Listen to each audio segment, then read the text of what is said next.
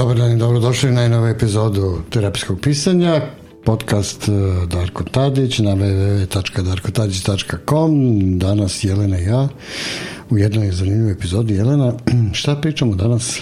Danas pričamo o tome da li da se razvedemo ili ne, ako da, zašto da, ako ne, zašto ne, da li to ima nekih posljedica po nas lično, ako imamo decu, da li ima nekih posljedica po decu, da li ta priča o razvodu važi ista kao što je važila pre 5, 10, 15 godina. Mislim da je priča o razvodu sastavni deo svakog braka. Ne, ne završi se svaki brak razvodom, naravno, i na sreću ne, ali je to veoma česta tema. E, da, Eh, hm, razvod, evo malo dramatične muzike, jeste. Um, znaš, kad smo se spremali za ovu emisiju i pričali o tome, ja sam nešto razmišljao, da li je zapravo ova tema već pase s obzirom na ovu količinu razvoda? Ja imam utisak da a, se današnji mladi parovi jako brzo i jako lako razvode, skoro pa sa prvom preprekom. A sa druge strane imam utisak da se manje sklapa brakova pa je i to možda razlog da ljudi žive u nekim vanbračnim zajednicama. Jedan od razloga zašto se odlučuju za vanbračnu zajednicu jeste što nema te muke u slučaju razvoda, nema papirologije.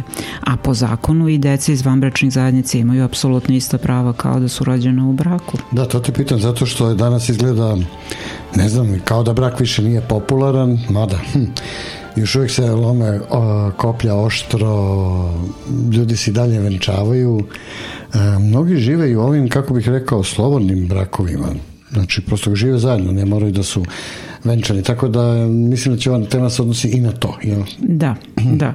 Može da bude i to deo ove teme, ali meni se nekako čini da ti slobodni brakovi to kod nas nije toliko zastupljeno a da neka vrsta otvorenosti u bračnim relacijama opet zavisi od individualne otvorenosti, Dobro, koliko ali, je svaka osoba po osob. Da, ali ima ljude koji su recimo jako dugim vezama, nisu venčani, ali recimo žive po pet godina, 7, 10, 20, da, da, da, ceo da, da, život, da. skroz u redu. Mislim, jedina razlika što nemaju papir, ali, ali praktično da. žive kao...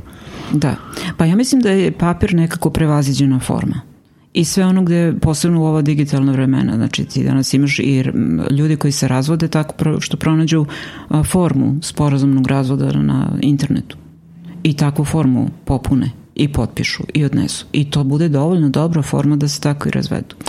Zašto se ljudi najčešće, ti imaš dosta bogato iskustvo u svojoj školi za roditelje, radiš sa roditeljima i decom, zašto se ljudi odlučuju da se razvedu, da se raziđu, ajde da tako kažemo, posle godina i kad dobiju decu? Čemu, šta je najčešći razlog?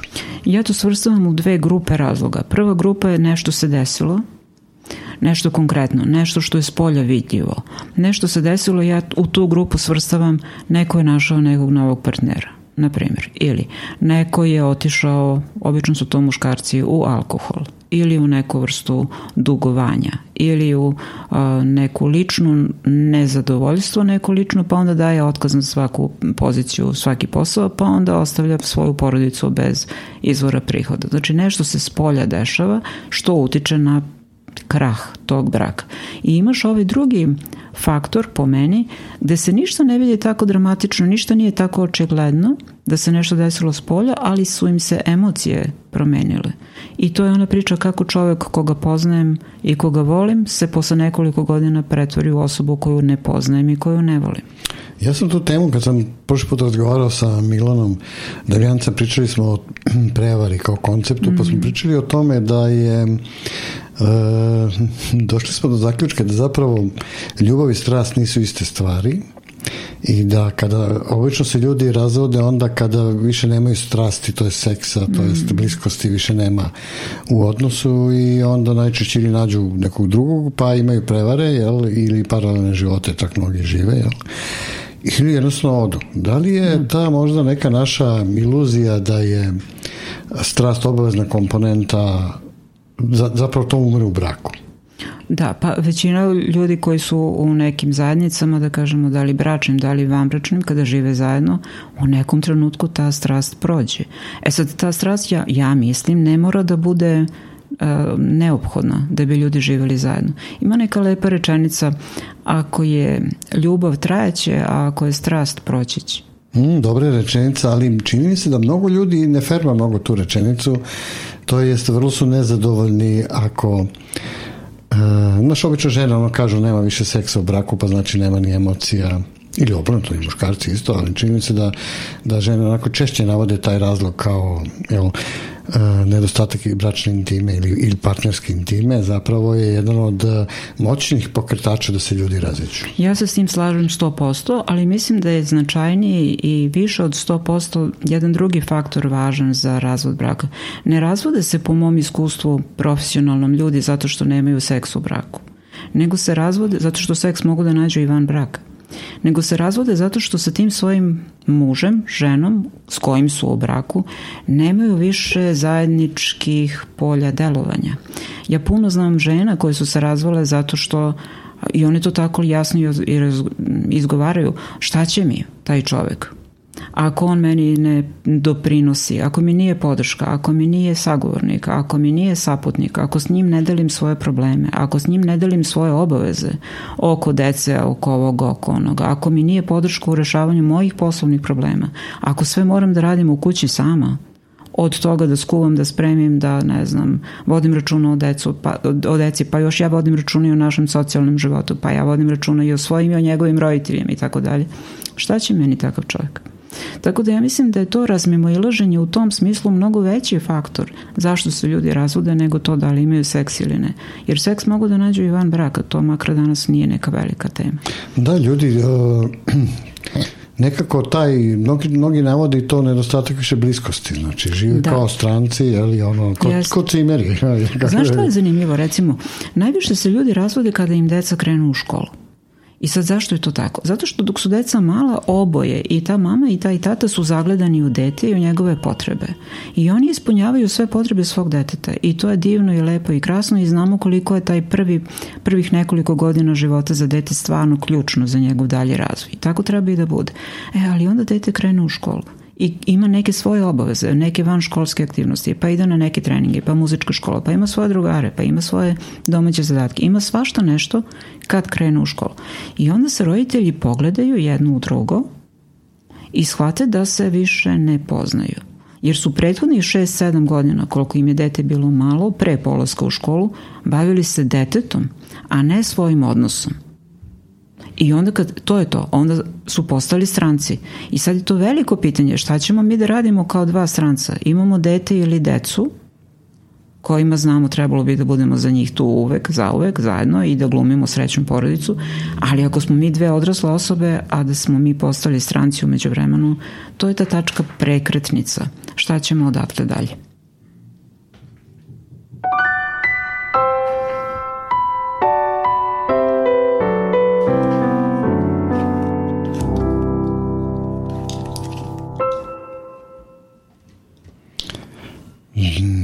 mi se da nekad, e, nekada se ljudi, ja ne verujem da se ljudska priroda to nešto mnogo promenila, u smislu toga, upravo što si sad rekla da mnogo ljudi zaključi da su stranci on, s onim drugim. Pogotovo kad ranije se sem, ranije ulazilo u brak, e, kako neki kažu, nekad su ljudi nisu varali zbog strasti, već zbog romantike, jel, mm. koje nisi u braku a da nas se vara samo zbog strasti, jer zapravo seks je taj postao kao ili neki simbol dokazivanja, neka društvene vrednosti, potpuno desetu stvar čini mi ima u odnosu na ranije. Ali da ovaj... Uh, ne, mislim da su ljudi teže odlučivali da se raziđu, ne možda samo zbog toga, zbog klasičnih društvenih uloga, jer su žene bile mnogo zavisnije ekonomske od muškaraca i društvena, pritisak društvene sredine moralni je bio znaš, ono, raspuštenica, užas i tako dalje, ove ovaj, kurva je i tako, mm, tome slično. Danas možda nije to, ima još toga, ali nije možda toliko bitno sad u, u prvom planu. Danas su žene ekonomski ipak samostalnije više rade, i imaju mogućnosti da prežive na drugačiji način. E, da li je to jedin razlog što su ljudi zapravo ranije ostajali ipak u vezi, možda i bili u braku, možda i bili svesni, dobro šta, pa sad što moraju se vole, brak je ekonomska zajednica. Ne, mislim, neka kako da kažem, poštovanje, neke druge stvari tu dolaze. Šta misliš o tome? Ja mislim da da, znači ljudi da odnos, i danas to sad kad nekome kažeš ja se razvodim, onda te taj neko pita a što? I ti kažeš pa ne volimo se više. To neće da bude baš jako lepo i lako prihvaćen odgovor. Ali ako kažeš on me bije ili on me vara ili ja sam naša drugog ili neki konkretan razlog, e onda je to aha, to je već dovoljno dobar razlog. Tako da nedostatak emocija ljudi još uvek, meni se čini, ne percipiraju kao dovoljno dobar razlog. E sad zavisi koga pitaš. A mene ako pitaš, ja mislim da je to najbolji mogući način razlog da dvoje ljudi više ne žive zajedno ako nemaju tu emotivnu komponentu koja ih je vezivala do juče. Meni je zanimljivo, ja znam recimo zbog svog posla mnogo, mnogo, mnogo veći broj ljudi koji su razvedeni nego onih koji su u braku ili u vanbra, vanbračnim zajednicama, a, da, a još je manje broj onih koje poznajem da žive sa nekim bilo u braku, bilo van braka, a da taj odnos funkcioniše kao dobar, duže od 5 minuta. To je tek jako mali broj. E sad, od svih ovih koje poznajem koji su se razveli, milion puta sam čula rečenicu zašto to nisam uradila ranije? Tu postoji neka vrsta žala. Zašto se nisam razvela ili razveo ranije? Nikada nisam čula da neko kaže žao mi što sam se razveo. Nikada. Uvek čujem to samo zašto nisam ranije. I sad ja mislim da kada bi ljudi znali, kad bi mogli nekim vremeplovom, znači ja sam sad pred razvodom i sad kad razmišljam šta će sa mnom biti za godinu, dve, tri, pet i kad bih mogla nekim vremeplovom da odem malo u budućnost i da vidim da ja pritom funkcionišem dobro, da sam financijski stabilna, da vodim računa o svojoj deci, da je taj moj otac uključen u njihovo odrastanje koliko god on može ili koliko želi, koliko deca žele, shodno njihovim potrebama i obavezama i jedne i druge strane i onda bi to dalo, ja mislim, neku vrstu sigurnosti da se ljudi mnogo više razvode.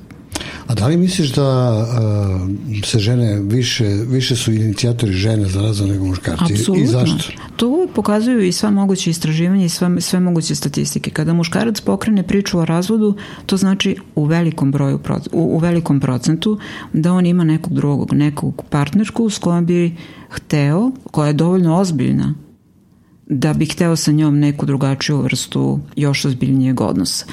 Dakle, muškarci se razvode zbog nekog drugog, a žene se uglavnom razvode zbog sebe. Jer e. one više nisu zadovoljne. Mhm. iz nekih svojih razloga. A zašto se žene tako lakše odlučuju na tu, da kažem, taj unutrašnji razlog? Ja mislim zato što su već pretrpane nekakvim obavezama i gledaju da same sebi pomognu.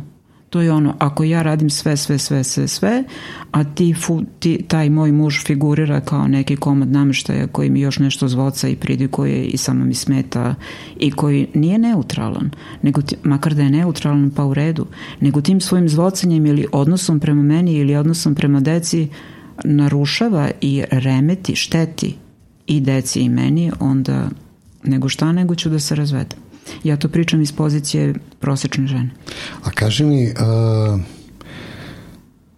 rekla si da su žene lakše, od, lakše odlučuju baš zbog tih svojih nekih unutrašnjih razloga, a šta je sa onim brakovima ili vezama koji se ne razvode, a samo što nisu? A samo što bi trebalo, da. Da, samo, da, nikako. Da, pa znaš ti, ja mislim da kod nas još uvek postoji ono kao ako se razvedem, to će da bude užasno loše po, po moju decu, pa će deca da trpe posledice i to je neka tabu teme iz koje se nadam da ćemo uskoro izaći. To nije tačno. Znači, deca razvedenih roditelja ne trpe tu vrstu posledica kao što se stalno o tome priča, godinama, decenijama se o tome priča. I onda ostajemo u braku zbog dece.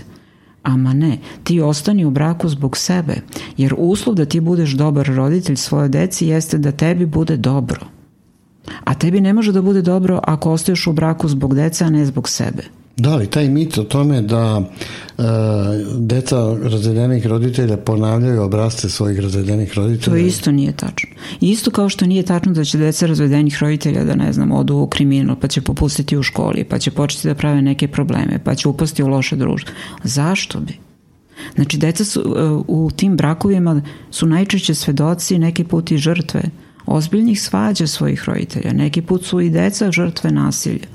I onda kad se takav jedan brak rasturi, deca ostanu da žive sa mamama, pošto po našem zakonu deca u 95% slučajeva pripadaju mamama, ostanu da žive sa mamama koje se odmah automatski smire stabilizuju se, a tatu viđaju povremeno, kako već sud to odredi, i onda i odnos sa tatom postane bolji, jer je redukovan. Jer je onda tata, pazi, ružno rečeno, ali onda i tata pazi na to vreme koje ima sa detetom da iskoristi na najkvalitetnije mogući način. I u praksi se pokazuje nešto drugo, da dete posle razvoda roditelja vrlo brzo, kad se navikne na takvu na taj model viđenja i na takvo stanje stvari, da dete procveta i ti imaš dete kod jednom se smeje, pa ima društvo, pa nekako mu poraste samopouzdanje.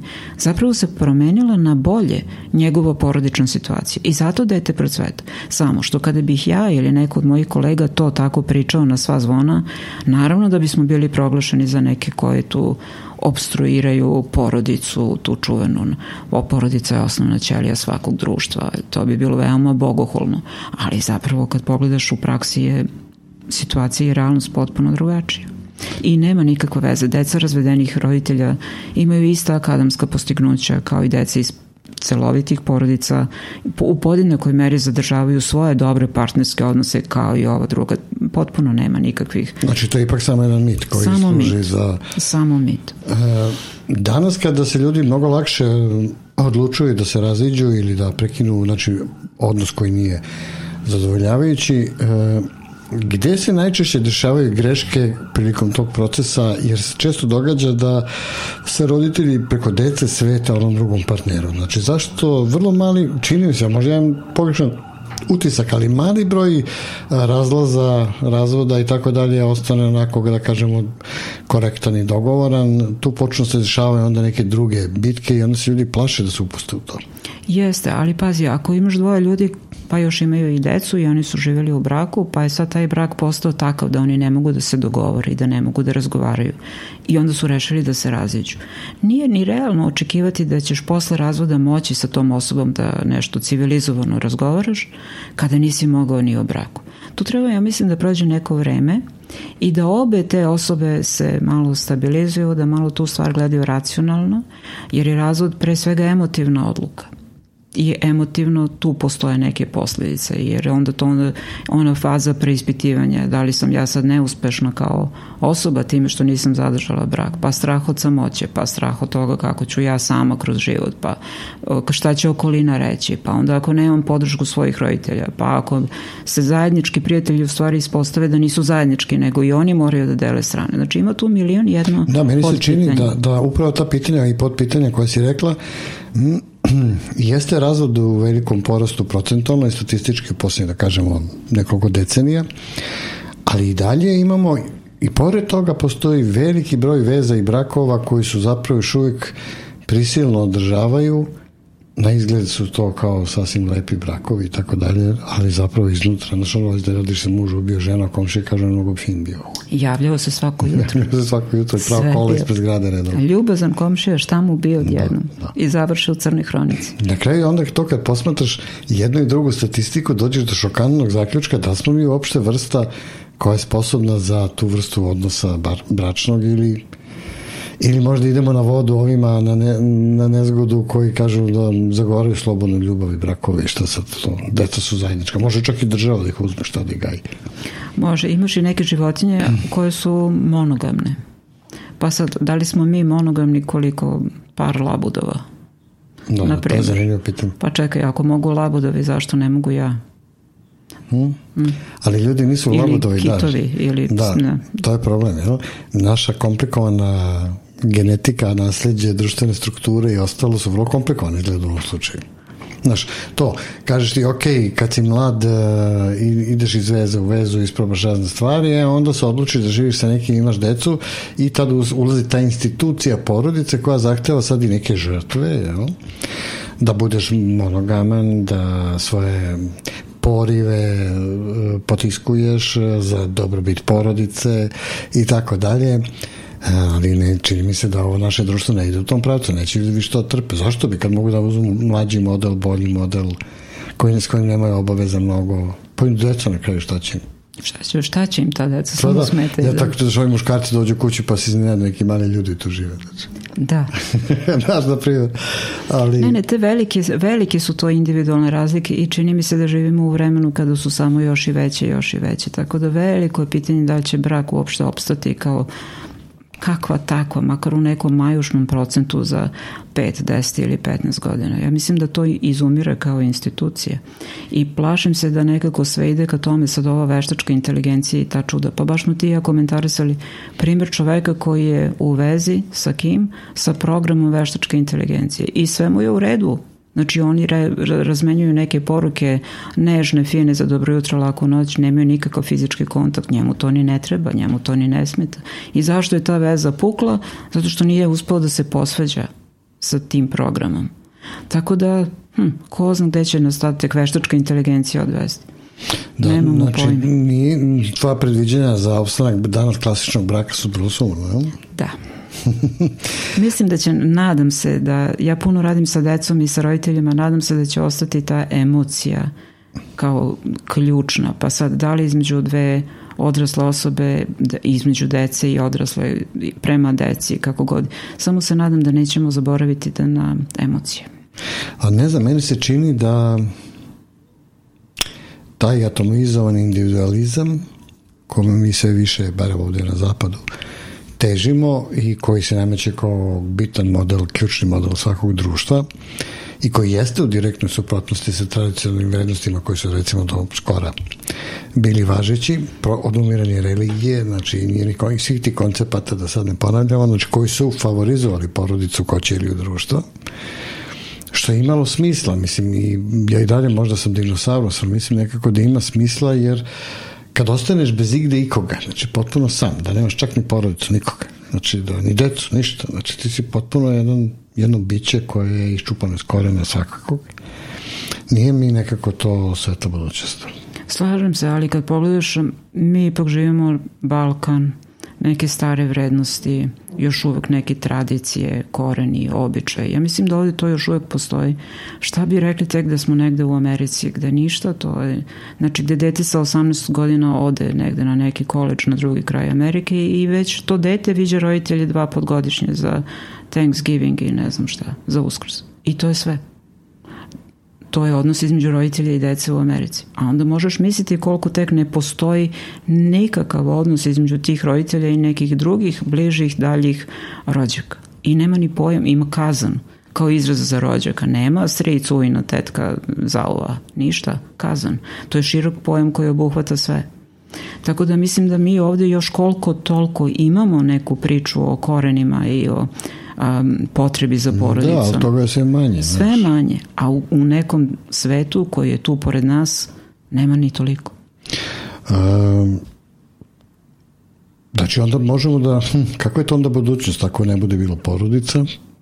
Znači šta, žena će rađati Pa nije skoro bilo da su Nemci imali program Lebensraum, to je znaš sad. Da, ali gledajte znači, ide. Znači, šta, država odgaja decu, da će žene tu dođu ko rađajuće mašine, de, država preuzme decu, šta? Idealno. Jeste, ali pogledaj koliko je u, pro, u velikom procentu u porastu surogat majčinstvu. Znači, ja ću da platim nekoga da mi rodi dete.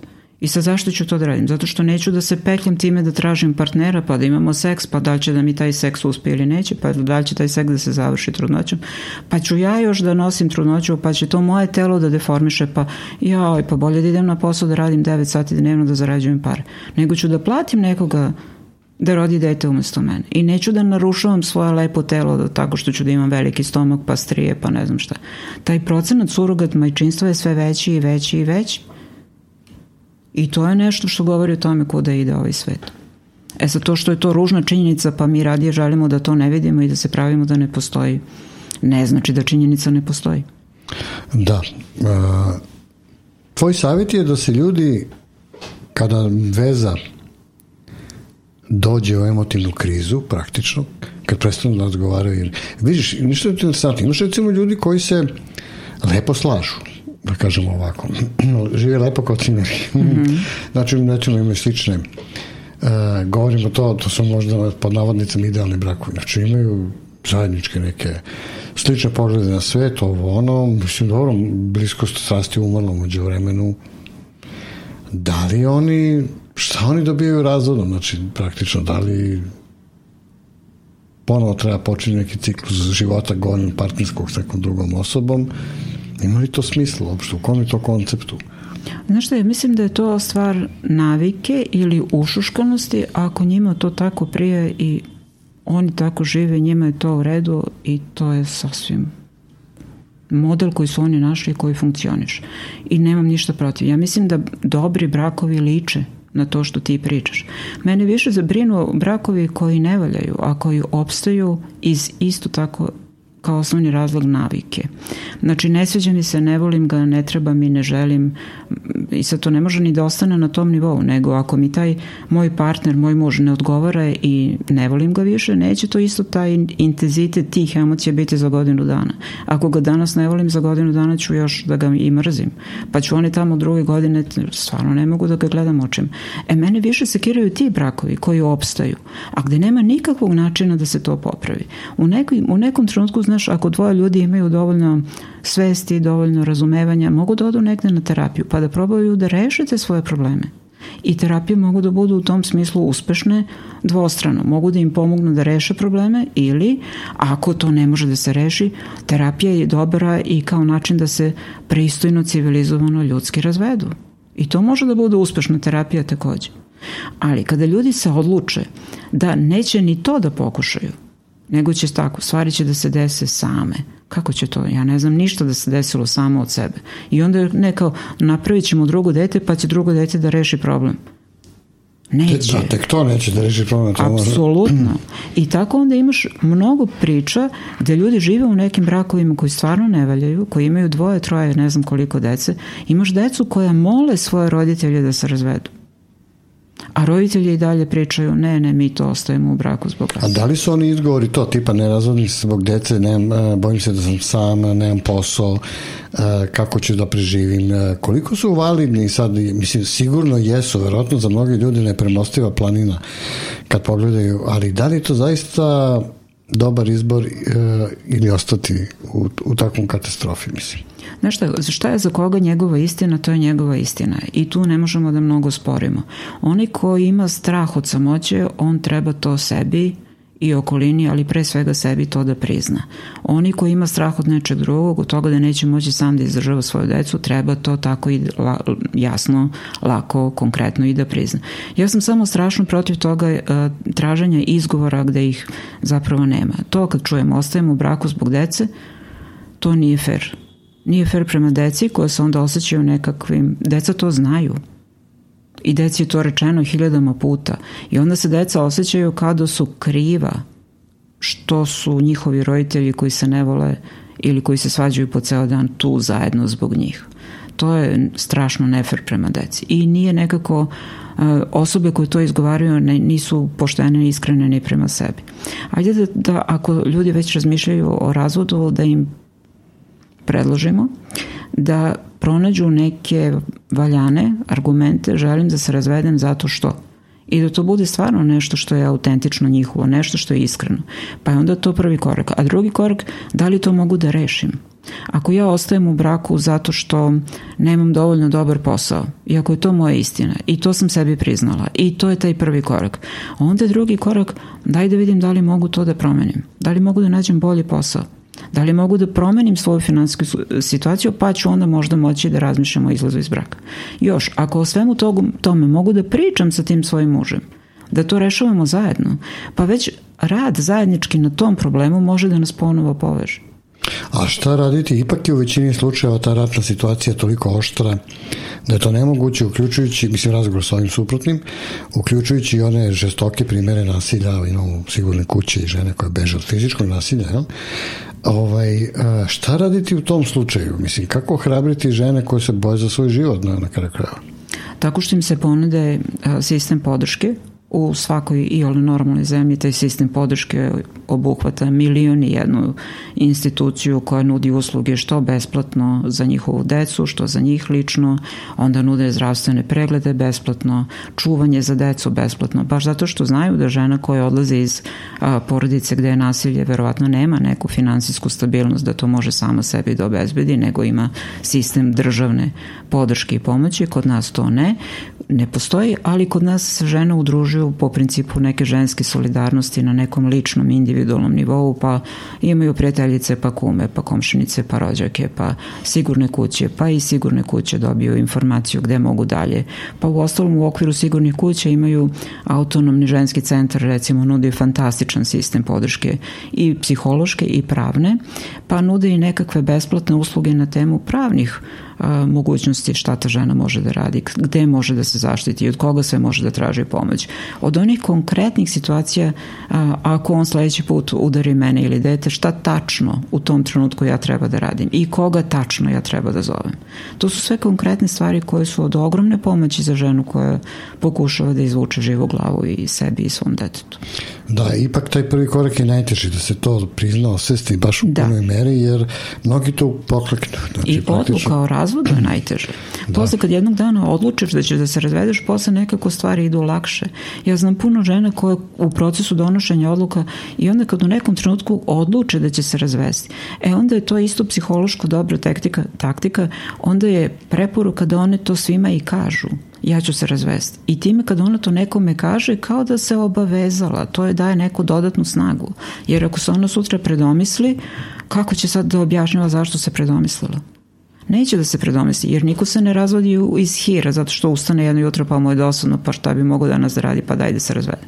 Znači, proces donošenja odluka je tako teški jeste proces, ali jednog dana kad se donese, pa kad se kaže svojoj okolini, to onda okolina ima mogućnosti da pruži podršku, to je kao neki vetar u leđa da svi da, dalji koraci posle odluke o razvodu budu lakši.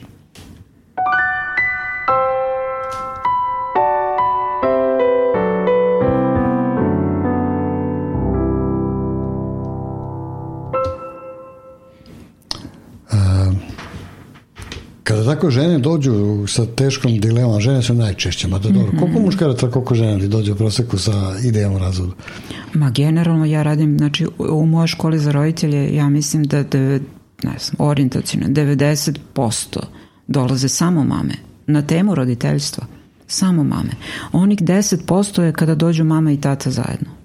Redko muškarac sam dođe. Pa ja ne znam, ja 25 godina radim svoj posao, možda sam upoznala trojicu tata koji su došli samo kao tat.